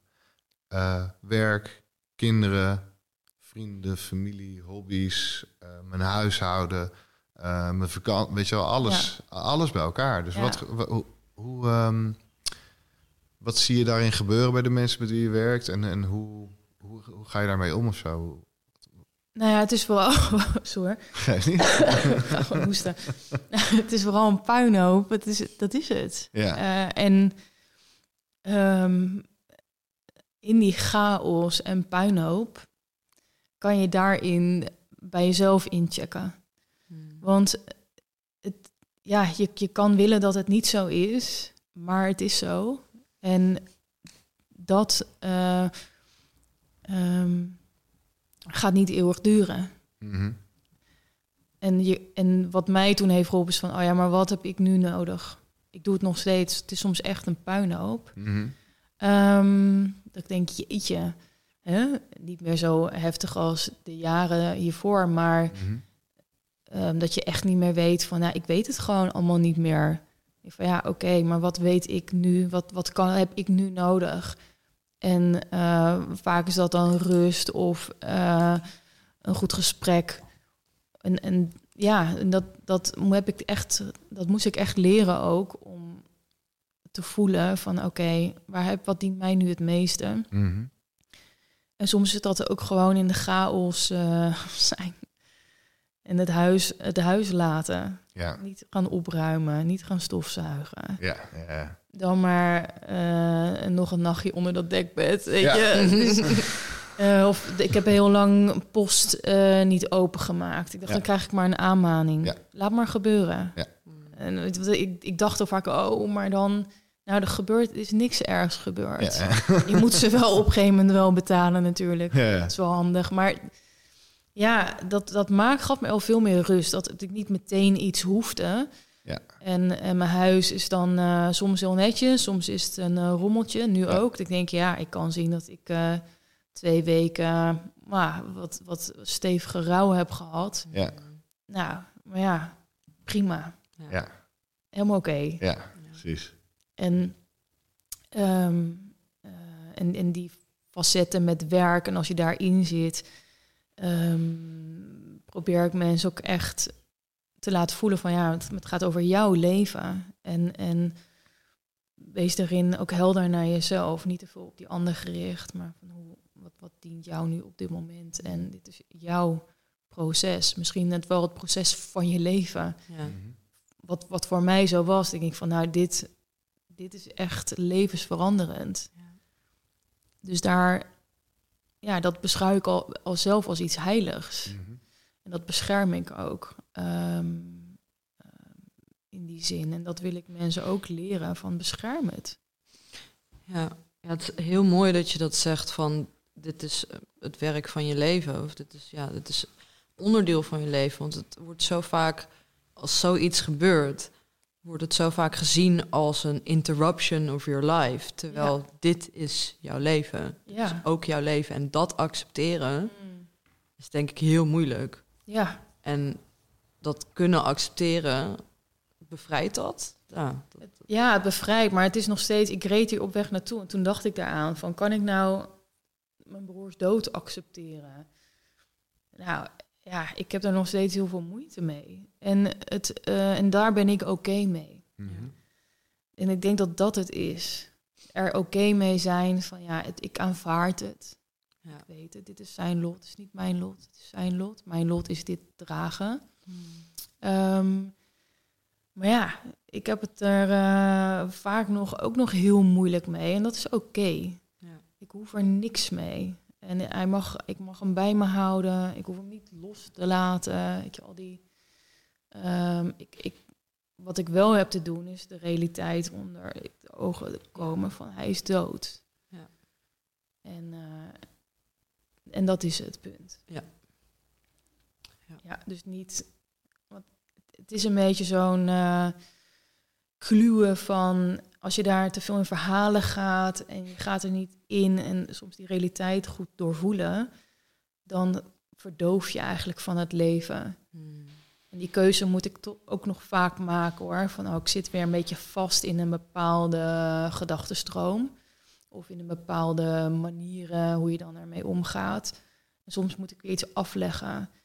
En wat die cocon voor mij heel dienend was, voelde ik vorig jaar in de zomer al van nou, volgens mij eh, heb, ik, heb ik dat naast me neer te leggen. Die cocon heeft een functie gehad, maar nu moet ik eruit. Mhm. Maar dat, daar heb ik rouw over mijn rouwkokon.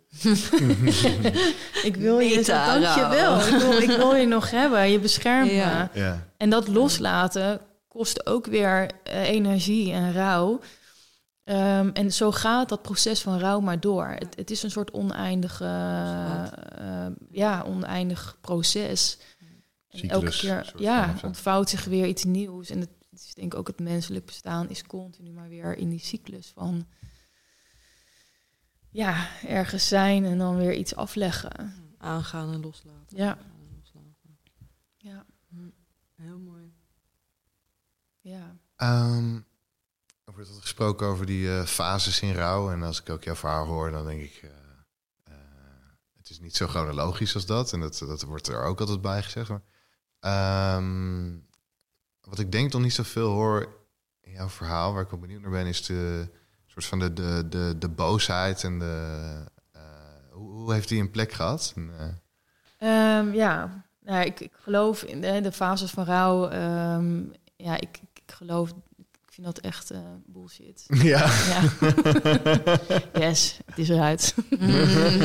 Ehm, ja, want het, het is wel zo. Ja. Al die eh, energieën zijn aanwezig, Ja. maar het is één grote soep. Ja. Mm. ja.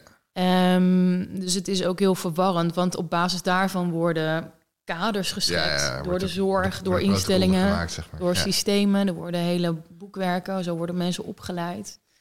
En eh, met die verwachtingen word je geconfronteerd. Ja. Dus het is eigenlijk volgens mij mo- mogen die echt de prullenbak in. Ja. Ehm, Oh, fijn. Fijn dat ik er even over begin. ja, precies. Ja, weg daarmee. ja. Ja, en, het, en eh, zij heeft dat ook niet zo bedoeld. Hè? Elisabeth Kubler-Ross die heeft dat Ja. eh, ehm, gedaan om het inderdaad meer beschrijvend te maken en er woorden Mhm. aan te geven. Maar Ja. niet dat daar op basis daarvan hele boekwerken eh, worden geschreven. Nou, zo Ja. is het. Ja. En, eh, Zo moet het gaan. De eenheid. Nee, precies, ja. Toen ik voor het eerst bij een psycholoog was, een trauma-expert, ik kreeg op sessie 1 een filmpje te zien met een giraf die in een modderpoel zat en al die fases doorging. En op een gegeven moment was hij boos en die kop in de zand. Ik dacht ik echt, ik voel me echt een kleuter. ik dacht van, dit is een expert. Oh ja. En ik een YouTube-filmpje over, nou, dit is wat je voelt. Ik dacht, ja, zo, ik kan hier echt, Ja, dit is niet wat ik voel. Ja, En ik voel me niet gezien en niet gehoord. ja, ja. Ehm, dus daarin is echt nog een hoop te doen. Ja. Ehm, en de boosheid ehm, merk ik. Ik heb dat altijd als een soort van emotie gezien die er niet mocht zijn. Ja, dus heel erg onderdrukken. ja. maar ik ben echt een groot voorstander van woede Ja, ja, ja. en boosheid. om- omdat we als mens dit nou eenmaal in ons hebben. Ja, We verdrukken het. ja. Het frustreert. Het zorgt voor heel veel onderliggende spanningen. Mhm. Ehm, dus ben ik nu in mijn werk ben ik juist een workshop ook aan het maken waar je die machteloosheid gaat voelen Ja. en de boosheid. En dat geeft kracht, ja. want daaronder Hoe zit. kwam dat in ademwerk bij jou naar boven? Ehm, nou, ehm, met een meditatiekussen smijten. Ja, Ja, ja maar het, het, eh, ik heb eh, het onlangs een, een level 3 opleiding gedaan... waarin we echt die emoties zijn ingestapt. ja, Eh, met ademwerk kan je heel goed werken met... Oh hoe ga ik machteloosheid ja, in mijn lichaam brengen? En ehm, hoe ga je dat met je lijf belichamen? Dus dan krijg je een soort van eh, tantrum, zeg maar, na wat ademoefeningen. Ja. Dan ga je helemaal schreeuwen en los. En wat doet dat met je? Dan komt er iets uit. ja, En vervolgens ga je die boosheid in. Van, en, en alleen met je lijf. Dus ook niet gericht, geen verhaal. ja. Niet gericht op iemand of niet iets. gericht op iemand. Het kan wel. Ik had op een gegeven moment wel iemand in gedachten. Wat ook lekker was, zeg maar. Ja, Ja, ja. Ja. Want dat had ik ook heel lang onderdrukt. Want als ik continu bezig was met van ja... En dan ga ik boeken lezen en de fontein lezen en al Ja. die dingen begrijpen en ik snappen. En weet je, heel erg vanuit die ander heel veel begrip. Maar ja, mijn lichaam voelde ook heel veel boosheid. ja, En als het er eenmaal uit is, dan zit daaronder kracht. Die, dan kom je weer tot je eigen kracht. ja, Terwijl je het, als je het onderdrukt, eigenlijk heel veel weggeeft. ja. Ook dus in dan ga, de je, verhalen. dan ga je via machteloos naar door boos naar machtig weer. Ja, vanuit die ja, machteloosheid. En op een gegeven moment ga je standing in your power. Dus je gaat die boosheid uiten totdat je leeg bent. Ja, Eh, Dat duurt ook helemaal niet zo lang. Ja. Eh, Het is een 30 seconden max. ja, En dan ga je voelen van, maar hoe voel ik me nu? Soms moet je nog een rondje. Ja. Of nog een rondje. Ja. En, dan, en dan voelen. En het heeft mij zoveel ontspanning gebracht. En weer lucht. En ik, ik voelde me weer, ha, weet je. Ik denk, wat heerlijk. En ook erkennen dat ik gewoon... Ik zag mezelf altijd als het brave, lieve meisje. Oeh, ik ben echt niet braaf. Ja. Mm. Dus dat was het, het verhaal over jezelf dat Ja. je jezelf eh, vertelde. Ja, dienend zijn en lief Ja. zijn en alles begrijpen. Ja. Ja, weet je. Maar ik denk van nee, ik... ik eh, oh nee, dat waren een- ook zeker schulpjes eh, die Ja, je had zeker. opgebouwd in je leven. En het is heerlijk om, om een soort van jezelf ook te zien van... oh, maar ik kan heel boos zijn. Ja, En, en daarin kies ik... ik hoef het niet op iemand te projecteren. Ik hoef Ja. alleen maar te erkennen van... ah, oké, er gebeurt hier iets. ja, En dat, dat mag ik eruit gooien, maar het is van mij. Het is niet, het is niet eh, of, of ik kies ervoor van oké, ik kan iemands kop eraf trekken. maar ik kies ervoor om het niet te doen. Ja.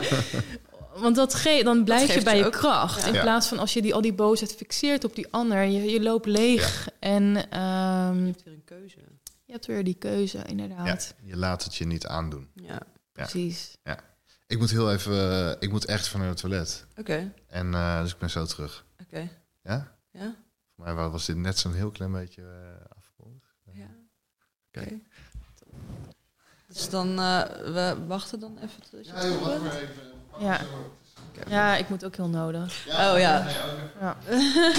Dus eh, ja, anders ga je naar, naar Joris. Maar dus beneden ook nog het toilet. Oké. Tegen de tijd dat je dan weer terug bent. Dan... Ik hou het al even op. Ja, nou, dat was dus bij de... We hadden dus afgelopen zaterdag onze Ja. live eh, opname. Het? Dat was heel, heel bijzonder. Echt heel Mm. leuk. Alleen toen hadden we dus... Dat was best wel, best wel een lange opname. Ja. En eh, toen hadden we dus tussendoor hadden we dus wel een plaspauze ingelast. En ehm, toen is iedereen dus naar de wc gaan, but me. Oh. ik zei, nee, ik moet ook nog niet. En toen Ja. eh, gingen we dus weer zitten. En echt op het moment dat iedereen weer terug was... en ik eigenlijk soort van, oh ja, blij dat ik niet, dat ik niet ben gaan... want ik moest toch niet.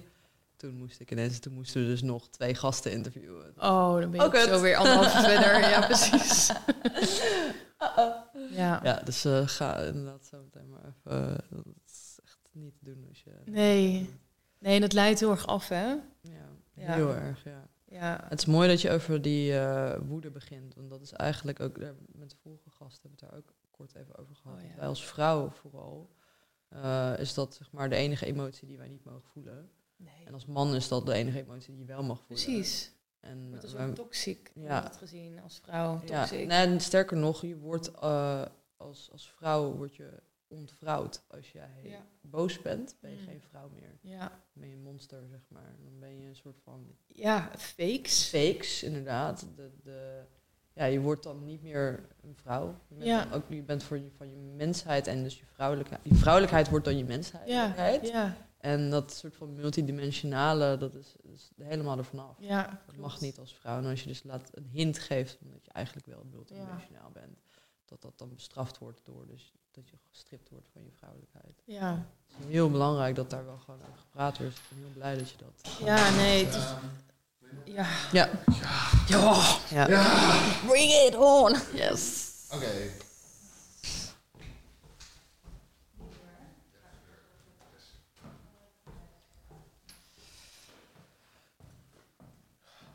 Dan nog even het laatste stukje. Ja. Ja, ik kon echt... Ja, nee, dat is prima. Zat ik zo... joh. Dat is oké. Ben je uitgesproken? Oh. Ik stond ik zo op zo. Oh, het is vol, het is vol. Ja.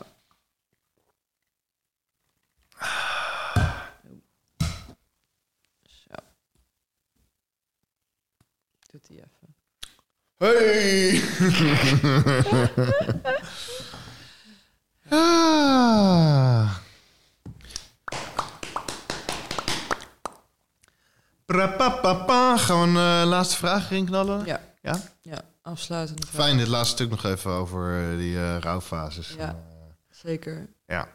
Want dat was mijn, mijn moeder die had als, als feedback nog gegeven van dat ze zei van ja, ik had bij sommige dingen gewoon echt graag nog weer gewoon even praktisch willen horen. Van, wat Ja. de fuck doe je? Wat zijn, wat, wat doe je? Like, maar hoe? Ja. dus ik Ja. denk dat ik daar ook gewoon wel, dat is, het is fijn als we daar inderdaad gewoon, ja, praktisch is altijd, eh, is altijd interessant. ja, hoe Oké. ziet dat eruit? Hoe doe je dat dan?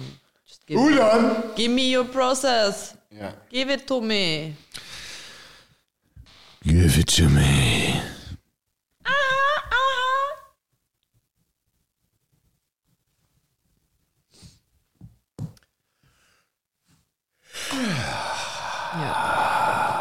Afsluitende vraag. Sorry? Afsluitende Afsluitende vraag. Afsluitende vraag, ja. We hebben nog de afsluitende vraag Ja, voor wat gaat- Suzanne. Wat gaat de afsluitende vraag zijn? Doe maar. Doe jij maar iets. Doe ik maar iets? Ja, doe maar iets. Oké. Hmm. Oké, ja, ik denk dat ik het wel weet. Wow, spannend. Ja.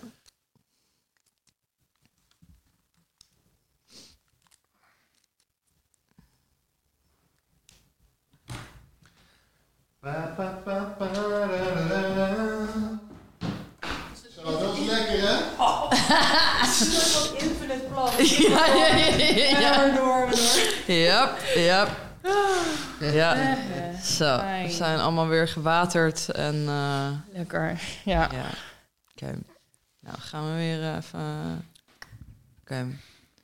Nou, Susanne. eh, ja, ik denk dat we gaan, gaan afronden. Dus ik ben nog even een laatste, laatste vraag aan je stellen. En ehm, Of ene laatste misschien. even een laatste... nou, la- ja. We kijken nog wel even. Maar ehm, eh, eh, wat is voor jou... ehm,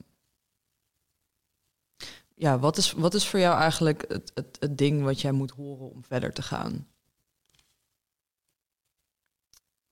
Van buitenaf Of van jezelf of in general. Zeg maar als jij Oh, nu ja. een bericht zeg maar, zou kunnen achterlaten Mm. voor mensen die luisteren of voor, ja, ja, voor jou in de toekomst of voor jongeren zelf of weet ik het. Wat, Ja. is, wat zou je eigenlijk graag willen horen om verder te gaan in dit proces van uit je schulp komen? Ja, dat is een mooie vraag. Ehm, wat ik zou willen horen is ehm, vertrouw maar op jezelf. Ehm, volg je gevoel. Het is allemaal heel cliché. Ja, maar clichés zijn er voor Ja. een reden. Het is eh, Niet goed genoeg. niet goed. Nee, ik moet nog even een tandje bij hoor.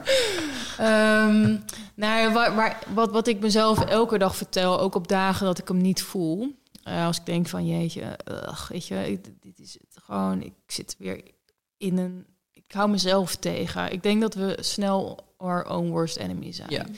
En echt bang zijn voor ons eigen licht. Mm. In ieder geval, dat gaat voor mij op. Ik vind het heel spannend als ik hè, vanuit die naaktheid...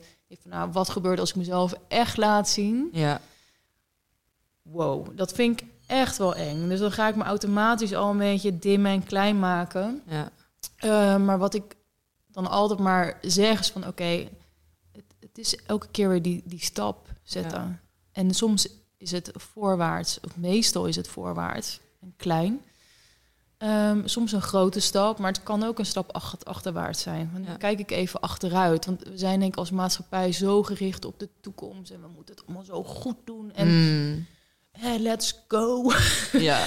die mentaliteit. Terwijl ik geloof dat in het verleden, daar kunnen we ook zoveel van leren. En ook van nou, hoe voelde ik me toen. En het eren, wat je ook zei van eh, wat jij ook zei tegen mij, eer je proces. En van hoe ver ben je gekomen. En, en dat ook vaker doen. Van oh, kijk waar ik nu ben. En het Ja. is goed zo waar ik nu ben. Ja. En, en dan maar dat nu die stap achteruit om, om weer vervolgens een stap voorwaarts te kunnen maken. Ehm, en jezelf eren in het proces. Ehm, en ook je verleden eren. We lopen veel te veel rond met schuldgevoelens en schaamte en, en onderdrukte woede en boosheid over wat er vroeger was. Ik denk van ja, je mag daar best nog wel eens weer in. ja. Om vervolgens weer met een stuk lichtheid verder te gaan ja. ehm, in je leven. Ja, Mooi. Dankjewel. Zeker. Mooi, dankjewel. ja. Suzanne, je, je hebt eh, een paar keer gezegd eh, het woord naakt eh, genoemd. En dat doet ons natuurlijk denken aan dat eh eremiet Kreefje dat ze naakt over het strand loopt. Dat ze een oude schulpje heeft losgelaten. En ik wens je een prachtig nieuw schulpje toe zometeen. En daar ben je voor mij rustig aan, aan, aan, de- aan het bouwen. Eh, en het zal in ieder geval een eh, mooi dakraam hebben waar, hebben waar jij eh, geweldig uit kan stralen als je volledige zelf. Mm. ja. En ehm, ik, zie, ik zie aan je gezicht dat je dat, je dat ook al aan het, aan het doen bent. ja. Ehm, heel erg bedankt dat je, dat je bij ons jouw heel persoonlijke verhaal wilde delen. Ehm, is er nog iets aan de afrondends dat je wil zeggen, vragen, wil meegeven aan, eh, aan onze luisteraars? Ehm, nou, ik wil jullie ten eerste heel erg bedanken. En ehm, ja, ik denk wat ik net heb gezegd, dat dat wel een mooie kernboodschap is om af te sluiten. Is vooral ehm, jezelf eren, je proces beschermen. Eh, Ja. Goed voelen van wat is jouw waarheid. Ja, Vanuit daar zit zoveel mooiheid in. En daar kan je weer uit geven. Ja. Ja. Let's go. We doen een stapje terug. Let's go. Stap je achteruit. Yes. Dank. Vee, nog iets eh, toe te voegen? Altijd, maar dat ga ik Altijd. niet doen. ja, Ehm. heel erg bedankt, Suzanne, dat je met ons inderdaad dit wilde delen. En eh, bedankt ook voor onze luisteraars om dat ze meeluisteren. Joris, bedankt. Jij ook voor je mooie, mooie vragen. Die me wederom hebben verrast en geïnspireerd. en ehm, ja, eh, denk mee, praat mee. Eh, heb je ideeën voor wie hier bij ons aan tafel zou, eh, zou kunnen aanschuiven? Laat ons weten. Eh, we zijn eh, zeer op zoek naar een zo divers mogelijk eh, eh, eh, publiek. Ja. Omdat eh, iedereen letterlijk te maken heeft met eh, het proces van uit je schulp komen. Dat doen niet, eh, niet alleen wij coaches en, en doodwerkers en, en therapeuten. Nee, dus ehm, laat het ons weten. Voel je vrij. Eh, ehm, Ja. Ja. Ken jij iemand die een extra steuntje in de rug nodig heeft? Stuur dan deze aflevering door. ja, als iemand om, om moet gaan met eh, rouw of wat dan ook. Stuur Ja. deze aflevering door naar iemand die het kan gebruiken. en stuur af en toe dat appje. Gewoon met een hartje. Of Ik, zie denk je. aan je. Ik denk Ik aan zie je. je. Ja. Je hebt pijn, ik weet het. Ik hou van je. Oh, Oké, die neem ik persoonlijk op. Eh, nog een heel fijne dag, avond, ochtend, waar je dan ook bent. En eh, Tot de Tot de volgende. volgende.